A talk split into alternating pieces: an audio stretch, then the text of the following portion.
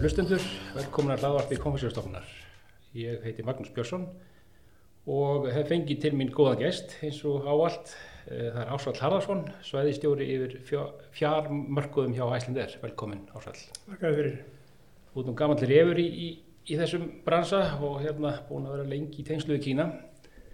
Þú kannski, byrjum bara á svona þér sjálfum, hvernig komst þú fyrst í Kína og, og þú er nú mantilega komið oft til þess að ágæta lands.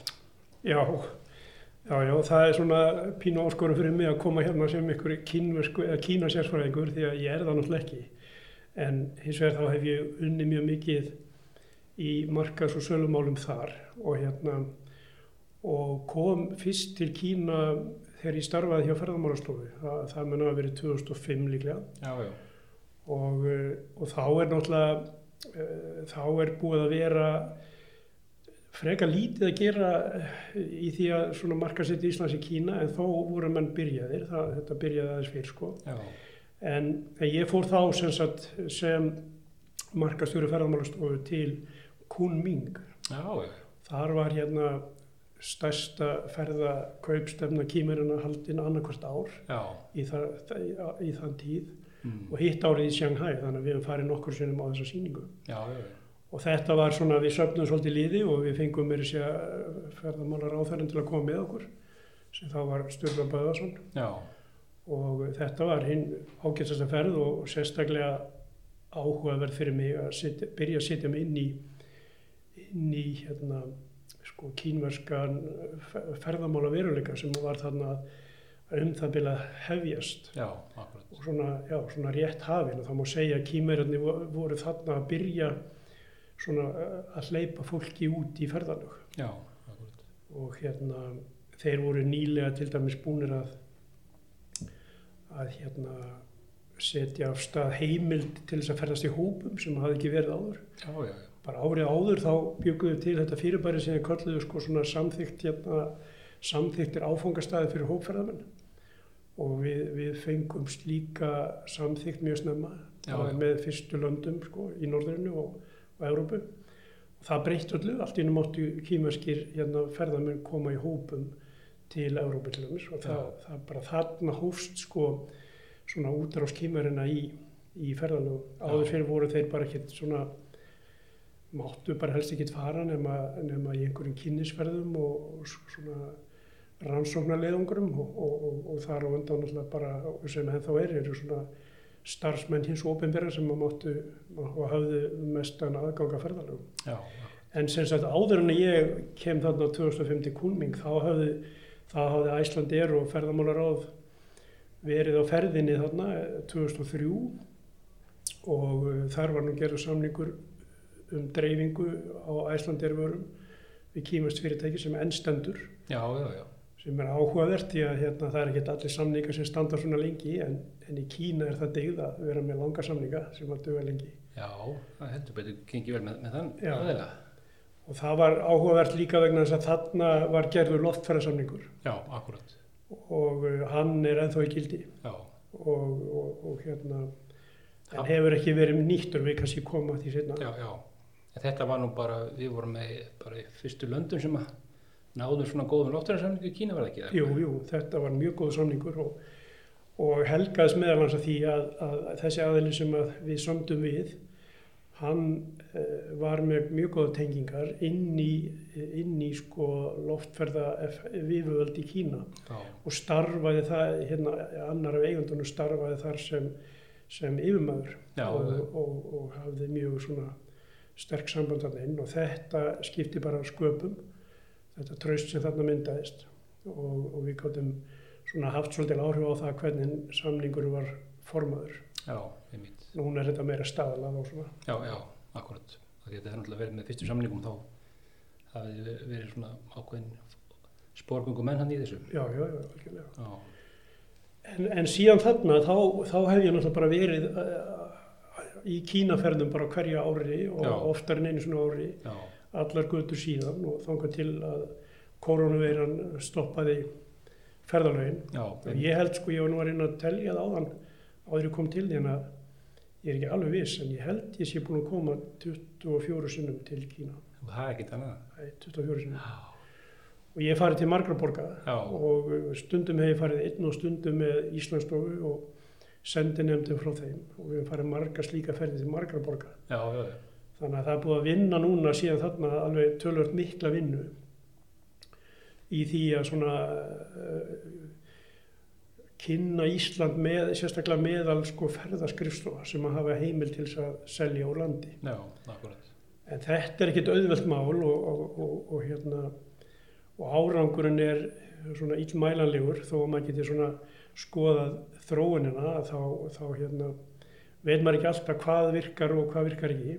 Nei. En, en allavega þá getum við og sagt að tölun að segja okkur að, að hérna, fjöldin hefur að og 20 faldast síðan hérna, við hófum já. þessa vinnu og kannski hefði nú gert það hvort sem er, ég held þú ekki. Nei, Ég held að það skipt miklu máli hérna svo vinna sem við lögðum í þannig. Já, nei, mitt er náttúrulega búin að vera ævintilegur hérna vöxtur í þessu, sérstaklega síðustu ár, sko. Já. En það er svo margt sem að, eh, sko, það er svo marg atriði sem skipta máli og hafa ítt undir þetta, sko. E- Eitt er náttúrulega að vinna þessa vinnu, að búa til möguleikan á því að, að bóka ferðir og, og búa til pakka. Já, og svo hefur náttúrulega hjálpast að eins og ég sagði áðan að, að, hérna, að það, það er sem sagt heimild og, og velvilji að, að hleypa kýmurum til okkar þetta í byrjun. Uh, síðan er hérna, eh, var, var náttúrulega sendir á Kína sem hafi, hafi tölvægt að segja og við erum náttúrulega, þú veist, búin að vera, við eigum sko 50 ára viðskiptasamband við kýmurana þannig að það er, það er velvild og maður finnur það mjög víða og, og í, í gegnum sendiræðu þá hófum menn fljótlega sko að, að, að bjóða upp á vegabris áritanir í íslenska sendiræðinu Já, sem já, áður hafi verið í danska sendiræðinu Já. og norska. mitt. Það er mikið að segja og, og flýtti mér fyrir að auka svona hérna, áhuga kynveri á að koma það svona gerði þetta auðveldara. Já.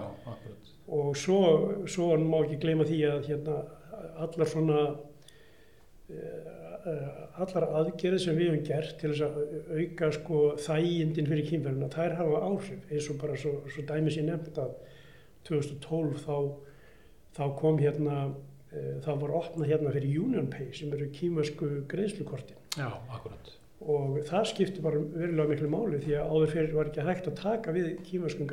Nei, mitt. Núna hefur þetta minna að segja vegna þess að nú eru menn komnir í Alipay og WeChat Pay Nei, mitt. sem eru náttúrulega bara svona snjall greiðslulausnir sem eru auðvöldur að eiga við. Sko. Já, akkurat. Þannig að þe- allt þetta hefur haft áhrif og, og hérna, aukið ferðamennskuna til Íslands. Við eigum hins vegar ennþá langt í land og það hefur breyst allt núna frá, frá COVID og, og það þarf svona núlstilla sig held ég eh, upp og nýtt hvað Já, það varðar því að bæði hefur held ég að hugmyndir kynveri um ferðalög og annar bara manna í heiminum um ferðalög hafi að einhver liti breyst í COVID Akkurat.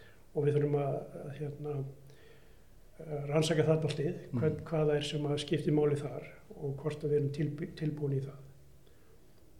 Einmitt, og það er, það er svona kannski menn tala um að tengt því sko að það sé margt sem að Ísland hafi upp á bjóða sem að hérna akkurat eh, muni falla í græmið eftir, eftir COVID, hérna, COVID-ið. Já, ég er samfærðan um það að misvasti Já, og, og sumt að því var náttúrulega bara áður líka eins og bara náttúran þegar sækja í það núna og ekki síður held ég í, í hérna eftir COVID að þá munum menn breyta svolítið um áherslur. Já, og, og, og, fara kannski færri ferðir, lengja þar örlítið uh, og, og hafa svona meira innihald heldur en bara látt verð og, ná sem mestu, það er svona að reyna, reyna að huga bæða náttúrunni, huga að menningunni og huga að því bara vera kannski meira með fjölskyldunni heldur en að vera á einhverjum hlaupum sko. Já, og, og, og, og hafa svona dýpri meiningu með ferðinni já, og velja hana betur. akkurat. En það er rétt sem hún segir að það er margt sem er með okkur. Bara það fyrsta sem er dettur í hug er bara nafnið, Já, á. Það, það er náttúrulega ekki öll, öll þjóðríki sem að eiga svona fínt hugtak kýmirana Akkurat, sem að segir þeim hvað, hvað þetta er og, og, og er ekki bara einhver afbökun af nafninu sem þýðir ekkert. nei. Og ég held að það sé bara eh, svona grunnurinn kannski og, en ég held líka sko að við þurfum að, að vera á varbergi og við þurfum að horfa svolítið eigin barm og það hefur verið svolítið mantran mín í síðustu, síðustu árin hérna heima fyrir að eftir allar þessar ferðir til Kína þá, hérna, þá hefur mér svona þá er runnuð upp fyrir mér æ betur og betur hvaða mikilvægt að við reynum að skilja þá Já, akkurat. að, að við séum ekki að reyna að forma þá inn í svona þú veist one size fits all eins og sagt er á hérna, góður íslensku. Að hérna, þeir, þeir hafa alveg sínar skoðanir og þeir hérna, horfa á allar, alla áfangastaða staði og hugsa með sér af því að þeir koma frá annari menningu og þeir eru með annað tungumál og þeir skilja ekki okkar tungumál. Að þá hugsaði strax sko er ég velkomin hérna? Já, og þeir sjá það alveg með leið. Til þess er enga merkingar fyrir það þá er það strax bara merki um það að já, já, það er ekkert sérstaklega verið að huga að þessu fyrir okkur. Nei, það er bara fyrir alla hína Já, og þess vegna er svo auðvelt að laga það. Já. Þa- því að þetta eru svona einföld atriði sem að sína bara að þú skilur kúnaðinn og vilt gera eitthvað fyrir hann sem að hjálpar honum að fá betur upplifun. Og ef þú gerir þetta þá held ég að þú náur meira árangri. Ef þú gerir þetta ekki þá ertu svolítið að já, ég vil halda kúnanum bara frá þér já, já. Ég held nefnilega sjálfur horrið sko hjá þér að þetta, þetta þarf ekki að vera mjög flókið eða mikið, bara að sína akkur þess að hérna svona ákveðum vilja, sko. já, það eru nokkur fyrirtæki sem hafa átt að segja á þessu mjög snemma Já, og lagt í þessa vegferð að gera hlutina vel fyrir kýmverðina hafa merkingar, hafa leðbendingar á kýmversku já, og kynna fyrir þeim strax í upphafi sko hvað, hvað er hérna, hver er þjónustun og hver er hún ekki? Já, og það skiptir svo miklu máli þá vita menn það bara strax frá upphafi og þá, þá er það minni kvartanir og minni vonbreiði og, og svona og seljandi og kaupandi verða nær hver öðrum eh, með væntingarnar. Já, að ég held að það, sé bara líkil atriði já, það er mitt. En svona kannski aðeins, eh, höldum okkur við Kína, eh, komið þarna eins og nefndir hansi oft, í auðvitað mismunandi erinda gjörðum hérna, hvernig, hvernig er að nálgast eða eiga við Kínverðar svona í, í viðskiptum og, hérna, og hvernig er eins og svona típisk ferð kannski til Kína, hvernig, hvernig er þetta skipulatt eins og hjá þér? Já, sko, þegar, þegar við hérna höfum farið í svona eh, sendiferðir með Íslandsstofu og fleiri fyrirtækjum, þá höfum við búið til svona mótel sem virkar ágætlega. Við förum kannski í þrjár til fjóra borgir Já, og við gerum þetta á stuttum tíma, þannig að þetta eru erfiða ferðir. Þú ert mikið á ferðinni, þetta er langt ferðalega út, já, byrjar í borg og strax að, funda hérna með kynningar og slíkt. Og síðan er bara haldið áfram í næstu borg og næstu borg og næstu borg. Og, og þetta getur tekið eina viku eða tekur fjóra borgir. Og þá er svona formatið á þessu fyrirkomulega yfirleitt bara við köllum til ferðahilsala og ferðarskjöfstofur sem að hafa áhuga og hafa sínt fram á þau sem er leiði og heimil til að selja og reynslu til að selja til Európu mm, og síðan kynnum við hérna Ísland og fyrirtækin. Og þetta er svona misjæmt eftir hvað þú ert. Í stærstu borgum þá eru þetta mjög stór fyrirtæki kannski. Og þau eru bara vel að sér í vestrænum viðskiptum og menningu. Og flestir tala bara ágæta ennsku þannig séð. Já, en alls ekki allir og þá er oft nöðsynlegt að hafa túlka mm, sem að túlka og, og til þess að öll hugtug séu hrein og svona. Þannig að þetta er pínu svona öðruvísi heldur en bara ennskumælandi vinnan okkar. Já, já, en, en, en þarna það sko kýmar eru gífulega áhugasamir og, og kurtisir já, og þeir hlusta og þeir, þeir gefa sér tíma í þetta. Þeir hafa mikið áhuga á Íslandi og, og þetta eru yfirleitt bara mjög ánægilegar ferðir en svo er erfitt að fylgja þeim eftir. Já, já, og það er svona í þessari vinnu sem við höfum verið að vinna þá skiptir það rosalega miklu máli. Ekkert síður heldur en undirbúningurinn og framkvæmdin. Já, að því betur sem við getum fylgt eftir því betur vinst úr hérna vinnunu og það verða, verða meiri viðskipti. Já, og þetta er áskorun alveg. Þeir sem vinna þetta vel þeir ná árangri.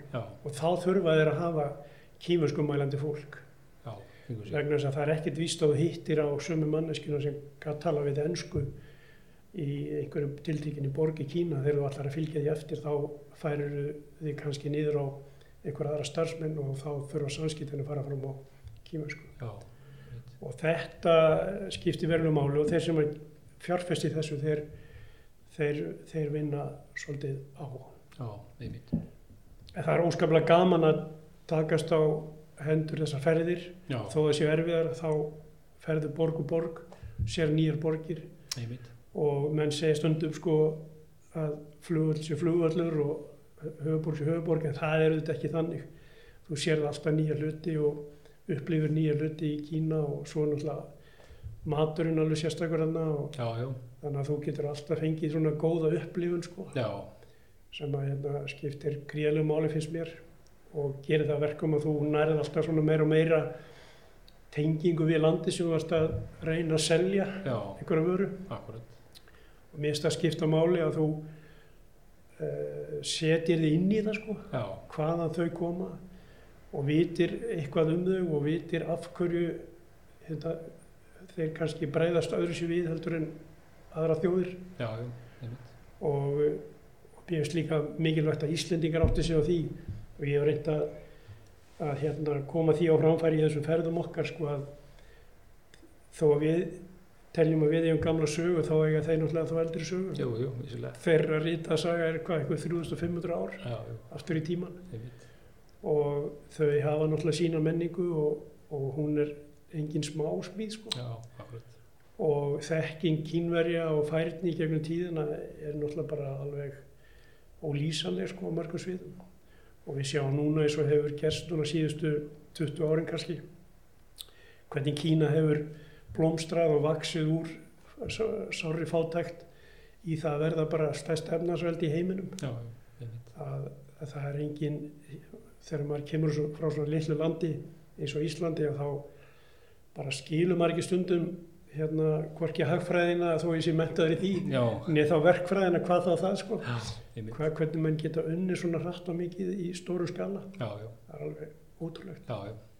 Þetta er náttúrulega einmitt þessi tími sem þú, þú hefur hátt í Kína, en náttúrulega spanar hann hátt í 20 ár og, og þetta er mikið gerst á þessum tíma. mjög mikið og þetta er alveg gjörbreytt land frá því að ég kom að það fyrst. Já, og ég vil þó að þá, hafi, þá þegar hafi verið búið að gerast mjög margt frá því kannski 10-20 ára þar undan já, að þá hefur þetta verið algjörlega einstakur tími í þróun kýmversk samfélags Já, á allan máta. einmitt. Auðvitað eru áskorinni hjá kýmverum eins og gefur að skilja Já, í svona, svona mikil þróun á svona stuttum tíma, það, það er alveg augljóst. einmitt. En varðandi sko kýmverina, því að ég var að nefna það sko að setja sér svolítið inn í þeirra, þeirra hugarheim, að þá eru þeir sko, þeir, þeir hafa, finnst mér hér á landi ekki notið sannmælis. Og uh, það er aðalega vegna þess að, að uh, þeir náttúrulega tala annað tungumál og þeir eru tildurlega óreindir ferðamenn margir sem koma hingað Já, og hafa kannski ekki komið við það og, og þeir hafa oft uh, meira en eina ástæðu til að koma eða svona sumir þeirra að minnstofast í því að þeir eru náttúrulega að koma til þess að skoða Já, en þeir geta líka verið að svipast um eftir öðru. Oft er þeir að svipast um eftir býtu, er hægt að fjárfesta hérna? Já, eða er, get ég bóðið hérna, barninu mínu háskólamöntun í þessu landi? Mm, þetta sjáum við mjög mikið til dæmis í Breitlandi og Þískalandi og í Ástralíu. Þannig eru þúsundir og tugþúsundir hérna, kýmverskara krakka að læra. Einmitt, og foreldrarnir hafa mjög mikið um það að segja hver, hvert er fara akkurat.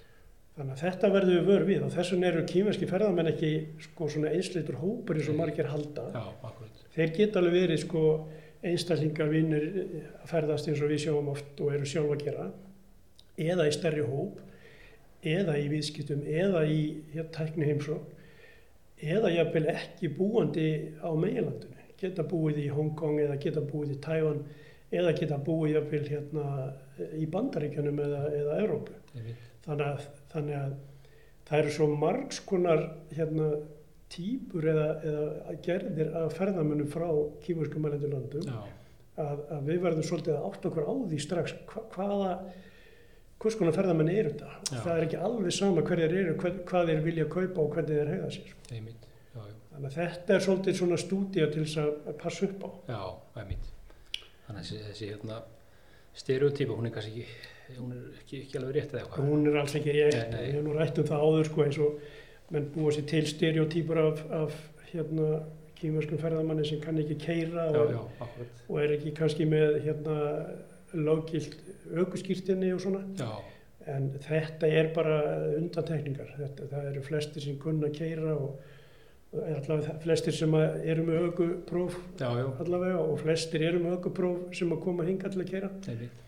og uh, þannig að þetta er svona pínulítið uh, flökkusaga sem að, sem mér finnst frekar leðileg sko. En-.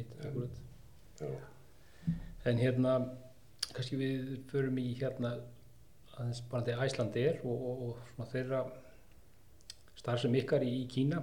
Uh, það er, það byrjar auðvitað frá þessum tíma eða hvað, eða hvernig svona byrjar Æslandir að Já. þreifa fyrir sér í Kína. Já, já, það byrjar þarna á þessum tíma þegar, þegar við förum og hjálpum til í, í hérna, loftferðarsamningunum Já, akkurat.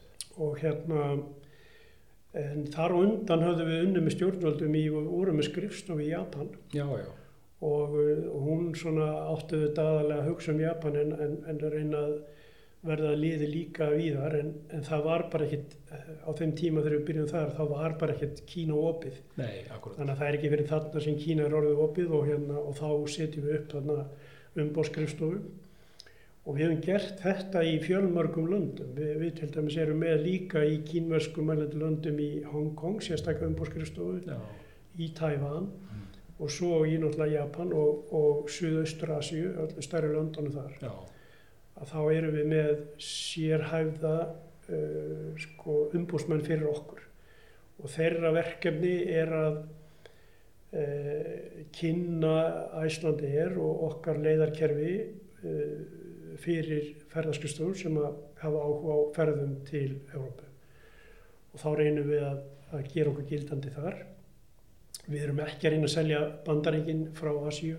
Nei, Við erum eiginlega bara að, að bjóða upp á Ísland. Það eru miklu betri leiðir fyrir flesta já, heldur en í gegnum akkurat. Öfugt við til dæmis að Európu, það liggur mjög við svona flugleiðin, en Einmitt. hún gerir það ekki þarna frá Suðaustur Asju. Nei, akkurat. En þarna höfum við náða verulegum árangri með þessu fyrirkomulagi og, og við gerum síðan samning af önnu flugfélög um að farþegarnir geti farið með þeim til Európu inn á punktana okkar Já. þar Já, og svo haldið áfram. já, Og þá er hægt auðvitað að stoppa í Evrópu, þannig að þetta á vel við um til dæmis kínverjana sem er meginlands kínverjar fara mjög mikið til fleiri landa en eins eða koma til Evrópu. Og uh, þá kannski byrja þeir einhver staðar í Þískalandi eða Fraklandi eða Ítalíu eða eitthvað eða Skandinavíu og halda svo áfram til Íslands. Og, og koma kannski ekki endilega sömu leiðina, getur farið í gegnum Kaupmannahafn til Íslands en tilbaka í gegnum Bergen eða Oslo eða Helsingi eða eitthvað slíkt. já, já, já, Þannig að þetta verður oft svona margra landaferðir, að minnstu eftir nokkur að borga. Já, og þá uh, þurfum við að vera búin að gera samninga við flugfélög sem gera það verkum að farmiðin gildi svona ringleið eða, og að það setja uh, innrýta farangur allar leið og svona til að gera þetta auðveldara. Þannig að það er þeirra verkefni að, að passa upp á að geta verið með okkar söluvöru í hillunum hjá ferðaheilsölum og ferðarskjöstum í hverju landi fyrir sig. já, já, Og þetta er heilmikil vinna að halda þessu saman og breytingar á, á hérna, leiðum og tíðni og, og samningu við flugfélög og slíka hluti. já, Og við vinnum náttúrulega mjög með stjórnvöldum og verður að segja það líka að stjórnvöld hafa verið mjög vakandi yfir þessu að, að hérna, tengja Ísland með loftverðarsamningum um allan heim til þess að gera þetta auðveldara og svo með sendiráðum til dæmis í Kína, Japan og Índlandi að vera með vegabrisáritanir í Kína, Japan og, nei, Kína og Índlandi og Rúslandi. já, Þannig að það hefur allt sitt að segja og, og, og þau fylgjast vel með þessu með okkur já, og við með þeim sko. Þannig að, hérna, þannig að þetta er bara, já, þetta er tölvöld mikil starfsemi þá úti í Kína. Já, þetta er heilmikið starfsemi og, Já. hérna, og, og rosalega leiðilegt að, að, hérna, að koronaviru faraldurinn skildi algjörlega stöðva þetta fyrirkomulag og, og við erum svona að byrja að ná vopnum okkar sko í öðrum heimsálum að því að þetta á við um líka Austur-Európu og Mið-Austurlönd og, og Suður-Ameríku, við erum Já. sama fyrirkomulag þar, Já, já, já, þar sem að leiða kerfið okkar næri ekki. Nei, og við náttúrulega finnum að þetta er, að, er aðeins að byrja að hérna opnast aftur víða, Já, sérstaklega í svona í nær okkur eins og í Austur-Európu, Suður-Európu og, eh, og ef við sjáum aftur Kína alveg hérna uh, svolítið eftir á. Þeir eru að ljúka núna olimpíuleikunum og, og nú verður gaman að sjá hvernig þeir kljást við ómikrón afbreyðið já, já, því að þeir hafa þvert á flesta aðþýlst stefnuna að það ekki verið neins smitt. nei, Þeir eru að koma vekk fyrir það með öllu ráðum. já, akkurat. En það eru margir aðrir að fara hína leiðina, bara segja við ráðum ekki við þetta en, en maður bara leiður þess að fara í gegn. Já, akkurat. Þannig að, en, en ég er ekki mjög björnsinn á að það gerist mjög hratt að þeir opni fyrir ferðarlega út, sko. Nei, akkurat. Ég held að það taki tíma Já, og ég vil bara þetta ár, sko. já. Þannig að við, þú ert ekki björnsinn á að verði streymingað kynurski ferðamenn í sumarlumis. Ekki í sumar, það verða náttúrulega einhverju sem koma þá frá Evrópu Já. og Bandaríkjanum eins og við höfum fengið dáltið af þeim, sko. Já, akkurat. En, en búsettur á meilandinu og búsettur í Hongkong og Tævan, það verður minna, heldur um að maður myndi vilja. Já, já, einmitt. En hérna, svona, já, þannig að þetta er svona spurning hvað, hvað gerist í framtíðinni sko með þetta, en, en er ekki, eins og nefndir þetta og, og ráðið með framtíðinu þetta, en hérna, en því stefni er það ekki bara á að þetta verði svipað fyrirkomalag. Jú, við, við reynum að byggja þetta upp á nýtt og, og það er svona alltaf spurningum sko hvað þetta verður fljótt að ná sér sko og ef við ræðum að þessum hérna magnið af kýmurunum að þá, þá er það er svolítið svona sérstakt og hefur verið í gegnum árin að það er alltaf sko komið svolítið frá Kína upplýsingarnar um það hvað eru mikið að kýmurum á leiðinni til útlanda já, þeir voru mjög fljótir sko að, að framrita það allt saman í, í mörg hundru miljón manna. já.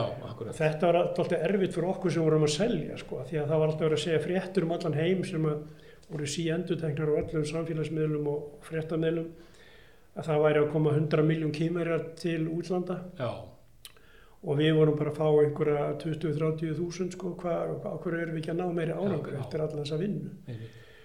og þegar menn fóru svo að, að skoða þetta betur þá, þá voru þessar tölur pínu hérna bólstraðar Já, vegna þess að inn í tölunum voru yfirlega ferðalög kýmverja til, til hérna Tævan, til Hongkong Já, og jafnvel einmitt. og þannig að í byrjun var helmingurinn kannski þangað Já, og já. þá voru þetta bara hinn helmingurinn dreifðust um allan heiminn og satt best að segja þá held ég að kýmverjar hafa aldrei farið yfir 100 miljón manna markið til annara landa heldur en þessara nei, akkurat. ef við tekum það þannig sko Já, já, já, einmitt. þó að þeir hafi haldið fram að þeir hafi verið konur upp í sko ég man ekki hvað þeir sögðu að þeir voru konur upp í 180 miljónir utalansferðir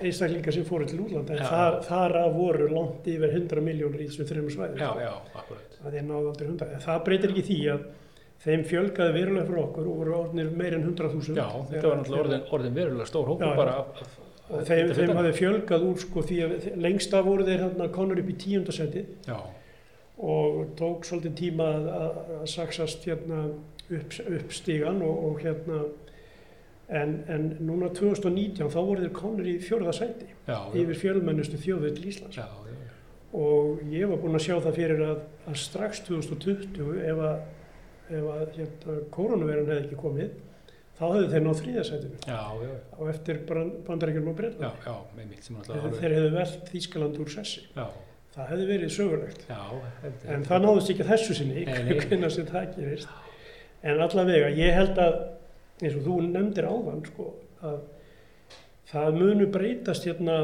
svolítið ferðavenjur og það, það er áherslu sem að kynverjar hafa í ferðalónum og ég hef trú á því að við stöndum stert þá. Já, þannig að ég tel að við ættum að geta verið fljóta ná okkur upp í fyrir styrk já, að öðru óbreytti og það er nefnilega með kýmari eins og aðra sem við skulum ekkert gleyma. Þeir leggja mjög mikið upp úr fjölskyldunni sinni. Þar sem þeim leggja mest upp úr í ferðalögum það er að geta verið um fjölskyldunni ef það er mögulegt. Já, þeir eru mjög mikið að hugsa sjálfur um mentun og, og starfsframa þannig að það er alltaf áhuga svið þeirra hvar sem þeir koma. Lífsgæði og umhverfi er orðin sterkar og sterkari þáttur í þeirra hugmyndaheimi. Mhm, það sem að hefur verið að, að hérna, sko, pína kýmvera allra mest núna í þessari miklu uppsveiflu þeirra, það er umhverfið. Já, Þeir verða náttúrulega vari við bengun sem að fylgir óhjákamlega svona miklum vexti í hérna framleyslu mm, og þeir horfi kringu sig og skoða hvar er minni hérna mengun og hvar er betri svona lífsumhverfi skæði og þeir horfa á öryggi, þeir horfa á matvæli, það er mjög mikil stór þáttur í þeirra bara lífs eh, hérna sín, það Já. er að hugsa um hérna mat og Akkúrat. slíka hluti og þeir hugsa um svona viðurkenningu, þeir hugsa um sína viðurkenningu, við, þeir eru þjóðandi sinnaðir og þeir, þeir hérna vita alveg hvað þeir, hvað þeir koma, já, hvað þeir geta, hvað þeir eru stórir, máttur mm, og þeir taka eftir því ef að það er ekki svona viðurkenning á báða bóa. já. Þannig að ég tel að við getum náð mjög góðum árangur ef að við tilengum okkur það að þekkja þessa þætti í þeirra fari þá ættum við að geta uh, bóðið þá velkomna hérna og við höfum mjög góðar vörur til að selja Já, og bjóða þeim upp á. Svo að ég held að þetta muni vera bara uh, fín framtíð fyrir okkur að taka á móti kýmurskum ferðamannum. já, Og þá náttúrulega bara þessari breyðu sériu af hérna, mismunandi markkópum, bæði frá Meilandi, Kína og frá Eyjónum, frá Tævan, frá Hongkong og, hérna, og svo búsettum erlendis. Já. kýmurum. já, Þannig að já, ég held að þetta sé bjart framöndan sko. já. Ég held að það. Það er náttúrulega ótrúlega stór hópur sem býr fyrir utan Kína, sko. Já, Þannig að það er það. Það er líka áhugaverð markaður. Já, vaksandi. Já, nefnitt.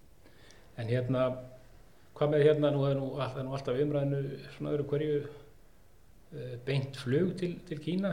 Já, Er það eitthvað sem að framtíðin geti? Já, já.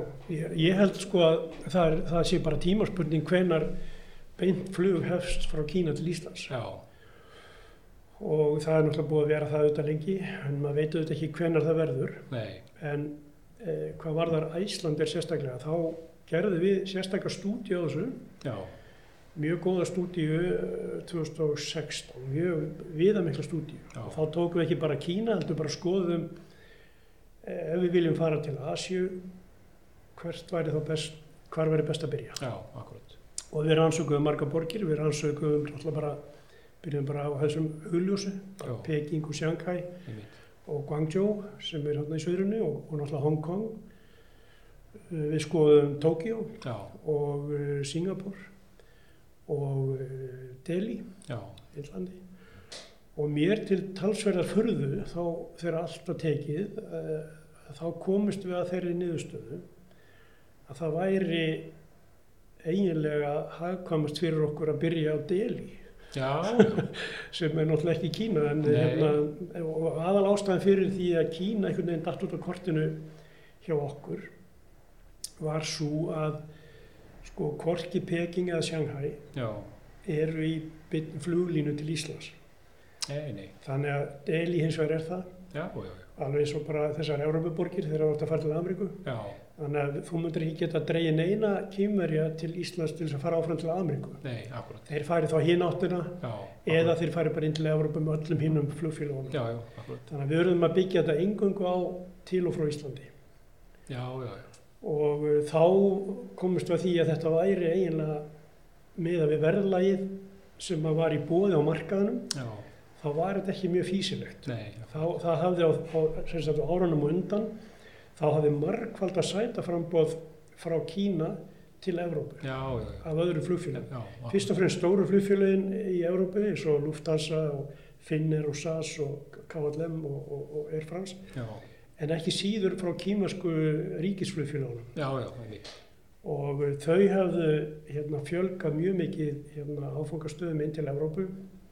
Þannig að þú vilt fara til Bandaríkjana eh, frá Kína þá kannstu valið um endalusum möguleika af borgum í Evrópu til þess að stoppa Já. og halda svo áfram eða fara í hináttina þú ætlaði bara til Evrópu þá var alveg saman på teiningnum verðin til Evrópu voru mjög lág. Já, já, og þá áttu eftir að komast frá Evrópu til Íslands. Já, þannig að þetta var bara mjög eh, hérna svona lág verð til þess að fara í svona langt flug vegna bara stærðarhagkvæmni og, og, og, og fjölda sæta. Nú við ákvaðum að hérna prófa Delhi en, en við náðum, náðum nú ekki að gera það.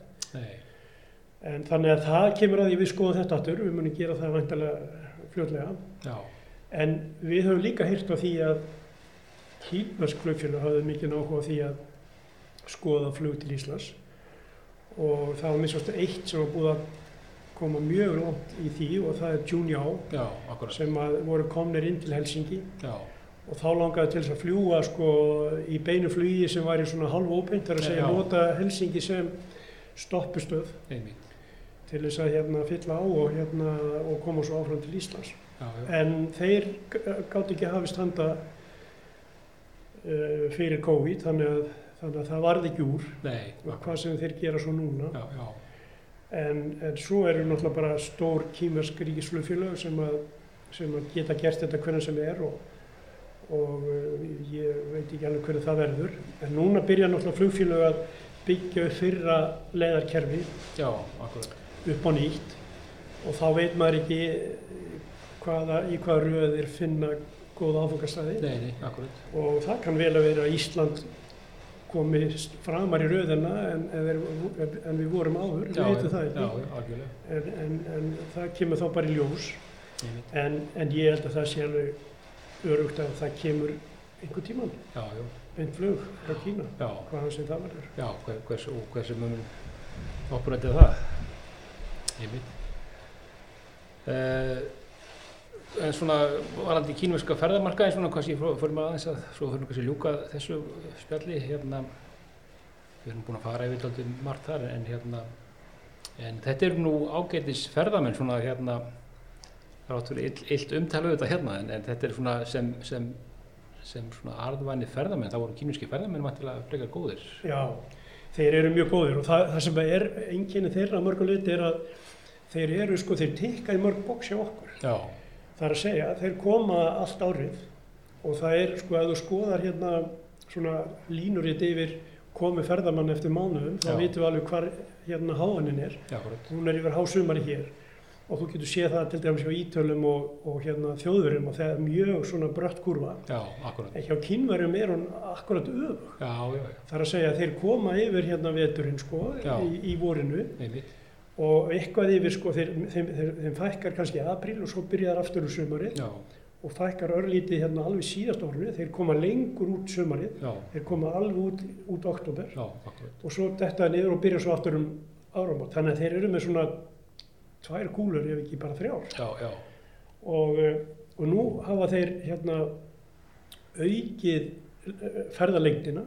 Þeir, þeir eru að auka þannig að hún var áður bara ör, lítil sko, tvær og hálf akkurat. En það hefur, var síðustu 2-3 ári fyrir COVID þá var það mjög mikið að lengjast. Já, einmitt. Og fara lengra heldur en þeir gerðu áður farður að keira og hérna þannig að þeir, þeir gerðu það og þeir voru konar út fyrir hérna Reykjavíkusvæði sem er bara alveg frábært. Einmitt. Þannig að það að vera bæði utan háanarinnar, vera hérna dvelja lengur mm. og fara um landi, það er bara teikar í bóksi Já, og svo kaupa þeir mikið af varningi.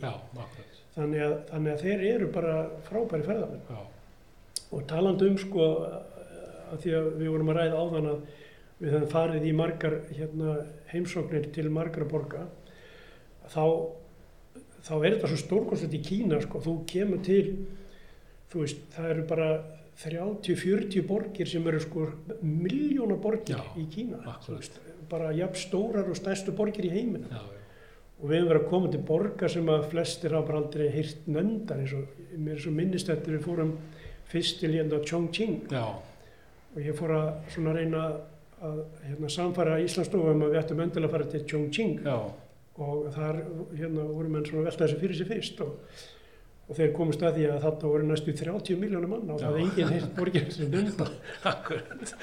Og hérna ég kynnti mér hana vel og þetta var það að hérna lokum eina mínum einmitt og hérna eina mínum uppáhalds hérna pólitíkusum í Kína er hérna Bo Xilai sem að Já, reyndar fjall í ónáð.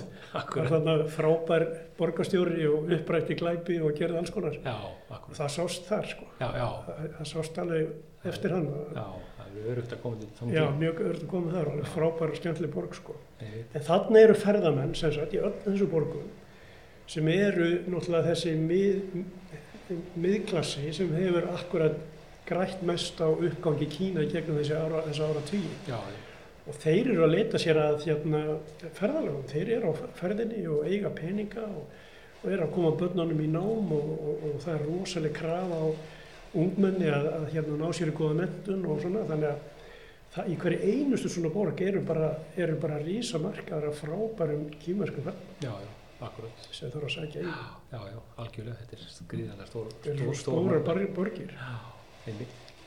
Já, já, þannig að þetta er hérna og, og bara eins og við erum búin að tala um, þetta er bara eftir aukast vantilega, sko. Já, Einmitt. Uh, ég held við, hérna, tíminn líður nú svo rætt að hérna, það er alveg, alveg makalust alltaf þegar maður er með góða viðmælendur hérna, þá hérna við erum að ná fram. Ég ætla aðeins svona í lokin að hérna uh, venda aðeins mínu kvæði hvort þú ert nefnilega hérna varaformaður samtaka sem að hérna bera skamstunna IKVF eða Íslensk kínumska viðskiptaráðið. Það ætla aðeins að spyrjast bara fyrir um, um, um þessa, uh, þetta fyrirbæri hérna uh, þetta er samtök hva, hva, hverjir eru í þessu samtaka? Já, þe- þetta eru samtök sko, hérna í Kímask íslenska viðskiptaráðið er, eru samtök fyrirtækja sem eru í viðskiptum við Kína eða vilja vera í viðskiptum við Kína Já, og þetta er hérna eitt af el, elstu svona viðskiptaráðunum sem eru til, það eru mjög fjölmörg hérna tvíliða viðskiptaráð til á Íslandi. já, já, Flest eru vistuð hjá hérna hjá viðskiptaráði já, en eh, nokkur hjá félagi atvinninganda Já, og, og kýmversk íslenska er vis, vista þar og, og er síðan 1995 já, já, já. og hérna þetta er sko félag sem er stofnað til þess að greiða fyrir auknu viðskiptum millir Kína og Íslands og eh, félagsmenn eru sem sagt um það byrjum svona 70 já, uh, og, og það er úr, í öllum já. þetta geta verið innflytjandur eða útflytjandur þetta geta verið stórfyrirtæki sem eru hérna á, á orkusviðinu eða sjárótsviðinu já, þannig að það er alls konar fyrirtæki. Einmitt, og hérna e, þarna hef ég eh, setið já í stjórninni doldin tíma e, eins og þetta tíu ár held ég. Já, já, já, og ég var nú formar í sex ár eh, eins lengi um átti Já. þá er ágætt að skiptum það má ekki hanga og lengi á þessu en, en ég hérna, vilja vinna þarna og, og fé- félagið sko sinnir svona smá ráðgjöf í varðandi inn- og útflutning við Kína. Það er Já. ekki alveg svona, það, það er ekki það einfaldasta. Já, við höfum tekið á móti mörgum sendinemdum sem að sækja til Íslands og vilja koma að kynna sér mál. Já, já, bæði hérna í atvinnulífinu og í hinn ofinbera og svo haldum við náttúrulega fræðslufundi og allskins kynningar. Já, akkurat, og uh, það hefur verið gott að hafa þetta viðskiptaráð fyrir fyrirtæki sem eru að sækja sér hérna uh, viðskipti eða bjóða upp á viðskipti til Kína. Meðan líka vegna þess að við höfum mjög gott samstarf við, við sendiráði hér. Já, og þá sendiherra sem að hinga að koma og viðskipta fulltrúa, Já. það skiptir verulegum einmitt, og síðan náttúrulega höfum við auðvitað aðganga stjórnvaldum hér á landi. Já, og það síndi sér til dæmi sko, ég myndi segja eitt af einn af svona stærstu viðburðanum í sögu þessa félags var þegar að Ísland fór lagði í það verkefni að, að hérna, gera fríverslunarsamning við Kína. Já, og, og, og það var þá fyrsti fríverslunarsamningur sem Kína gerði við Európaríki. Nú hafa þeir gert fleiri og hérna kannski ekki marga en ég held að séu ykkur tveir í viðbóta. Og hérna þetta gerist 2013 og, Já, já. og hérna við létum til okkar taka þannig já, og, og við erum, teljum að við höfum haft þarna smá input inn í það og það var mjög skemmtilegt. Ég átti þess kost að fara með sendinemdini sem að fór til Kína og skrifaði undir samningin já, já, já, og hérna heldum þetta svona viðskipta stefnu sem að fyrir fullu húsi kýmverskara viðskiptamanna og, og vorum þar með íslensk fyrirtæki sem að heldu erindi og svona. Þetta var mjög, mjög magnað magnað verkefni að klára að ná að klára þetta. Já, já, og þau er náttúrulega heiður skilið fyrir það sko Össur og Jóhanna sem að, sem að gerði þetta mál að veruleika. Auðvitað var hann ekki galla laus en það átti hann aldrei að vera það og verður aldrei í byrjun og, og síðan þá höfum við sniðið á hann marga agnúa og, og það er náttúrulega ekki búið svona, svona líkur ekki. Nei, nei, þetta, þetta þróast bara. Já, já, þannig að, þannig að þetta til ég vera bara mjög mikilvægt hérna, verkefni fyrir, fyrir Ísland að hafa svona vettvang til þess að það sem fyrirtæki geta uh, leið, leita til þegar þau eru að stíga sín fyrstu skref. Já, já. Því þetta er nú kannski ekki einmitt auðveldsti markaður og, og hérna öruglega eh, þeir sem eru að byrja sérstaklega, þeir náttúrulega kannski þurfa að fá, fínt að fá ráðgjöf og, og hérna góður ávantilega.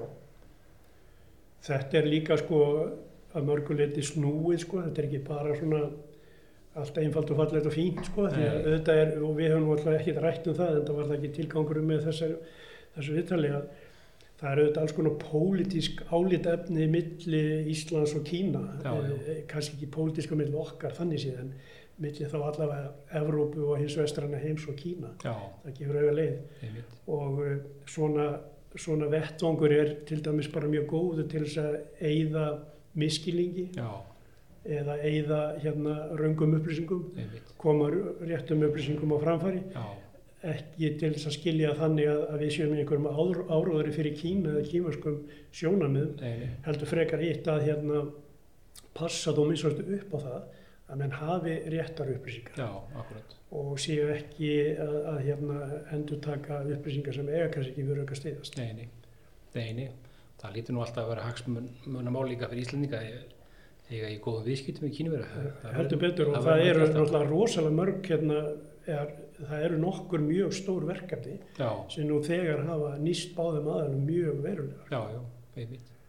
Þetta er náttúrulega, er alveg ótrúlega hvað er alltaf, alltaf spennandi verkefni einmitt sem er að ko- koma upp, sko. Já, En hvað hérna, hv- hvernig hefur svona, finnst þér þróun hafa verið hérna varandi viðskipti við Kína, er þetta nú sko umfangstölur þar að segja það kemur að svona inn útflutning, það er nú daldið að upplið alltaf, já, en hérna við vorum kannski aðeins byrjaður á þessu þarna nú rétt áðan, það, það er alltaf eitthvað skemmtilegt í gangi og, og hérna og það vex bara eða hvað já, já, mér finnst þetta ganga samt hægt sko. Já, akkurat Mér finnst hérna, eh, þú veist, nú eru bara tíu ár síðan að viðskiptarsamningur var gerður sko. Og ég hefði ímyndað mig fyrirfram sko að það myndi ganga hraðar. já, En það, þá náttúrulega ber að verða það að það eru, það eru rosalega ólík sjónamið náttúrulega sérstaklega í eh, kannski matalaframleyslu já. Og það eru alls konar verndar sjónamið og svona sem að þarf að hafa í huga. Og þetta tekur óra tíma. Já, en svo aftur á móti hafa önnur verkefni gengið alveg feikið vel. Ég meina þú veist, við, við höfum hort á Arctic Green Energy og og Sinopec hérna og Sinopec Green Energy vinna alveg rosalega, rosalega vinnu já, já, í hittautum málum sko. einmitt, og, og við, nú erum við að sjá carbon recycling sko, Já, vinnuna að fara á stað. Og þetta eru stór verkefni. Já, já, og það eru fyrirtæki sem eru búin að vinna þarna árum saman eins og Össur og, skipafélagin og, og fleiri sem, já, sem að hérna eru að vinna bara fína vinnu þarna. Og þó við sjáum það kannski ekki endilega í tölunum í inn og útflutning Nei, akkurat sko. En ég hefði haldið sko að við ættum að geta náð meiri árangur í sjáar út hérna, sjáar útflutning. Já, En það er kannski svolítið lengra í það. já, þetta allir það sé þá kannski ekki að kenna neinum sérstökum um það, það er bara svona þetta tekur allt saman sinn tíma Já, þetta tekur sinn tíma og Já. þetta eru hérna flókin, flóknar eh, svona logistikkæðjur sem þarf að, þurfa að ganga upp Já, sko. akkurat og það er þetta samkeppni líka og, og hérna já, að þetta þarf, þarf ábyggilega sinn, sinn tíma sko. Já, já, það er mitt En þetta tekst alltaf lóku sko. Ég kýmverjar eru snjallir viðskiptamenn. Já, og maður verður var við það sko bara í mín, minni grein það því ég þekki nú ekki þessar greinar. Nei, að hérna sko ég, það var nú einhver kýmverski for, forsetin sem að sagði að fjöllin væri há og keisarn væri langt í burtu í hölsinni akkurat. Og þetta er svona kýmver, kýmversk orðaltiltæki sem að gerir það að verkum að þeir geta gert alls konar hluti sko og vilja gera hluti, þeir eru ekkert hérna fangaðir í einhverja treyjur endilega. Nei, þeir eru, þeir eru, þeir vilja útrás og þeir vilja ná að það er dræf í þeim sko. Já, já, ég hef full að trúa því að þetta, þetta verði stærra og stærra. Já, já, það er mitt Heiður ljómandi, ég held að sé bara fínustu lokári hérna, þakka þér kella ásall fyrir að koma, kannski skilja gaman að hafa þérna Takk fyrir, þetta var ánægilegt